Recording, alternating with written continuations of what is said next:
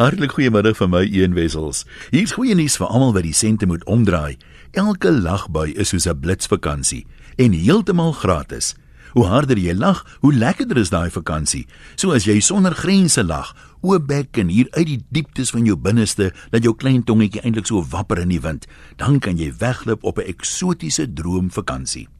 Vir die volgende 5 weekdae, min of meer hierdie tyd, gaan ek hier op RSG maak soos Liani meise liedjie sê. Gooi hom in die son dat hy refs optel, maar dan vat jy. Kom ons begin vandag by humor oor ouma se slimkind. Die eksamen is verby, maar sommige eksamenantwoorde sal dalk nog 'n rukkie in die personeelkamer draal, soos hierdie flinkdinkers in op laerskool. Vraag: Waarvoor word beesvelle gebruik? Antwoord: Om die bees binne te hou. Noem 5 dinge wat melk bevat: kaas, botter en 3 koeie. Wat is die verlede tyd van eet? Honger. Wat is die verkleinwoord van oupa? Kleinseun. En die vroulik van kleinneef? Kleinteef. Wat is die funksie van die kiestande en die oogtande? Die kiestande kou die kos en die oogtande kyk dat hulle hulle werk goed doen. Verduidelik wat is 'n terminale siekte? Dit is wanneer jy op die liggaam se terminaal siek word.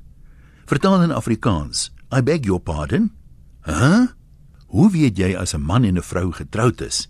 Antwoord: Jy sal sien, hulle skree op dieselfde kinders. Geskiedenis kan 'n mens ook maar lekker die mekaar maak, soos hierdie stellings getuig. Moses het die Hebreëse slawe na die Rooi See gelei waar hulle ongesuurde brode gebak het. Dit is brood wat sonder enige bestanddele gemaak word en wat baie soet is van te min suurdeeg. Moses het die berg Sinait uitgeklim om die 10 gebooie te kry. Koningin Elizabeth was bekend as die maagde koningin. As koningin was sy 'n sukses, maar nie as 'n maagd nie. Sy het haar volk se probleme aangetrek en was daarom altyd in die mode. Die grootste skrywer van die Renessans was William Shakespeare. Hy is in die jaar 1564 gebore en die geskiedkundige mense vermoed dit was op sy verjaarsdag. Hy het nooit geld gemaak nie. Hy's net beroemd oor die toneelstukke wat hy geskryf het. Hy het tragedies, komedies en hysterektomie geskryf. Romeo en Juliet is 'n voorbeeld van laasgenoemde.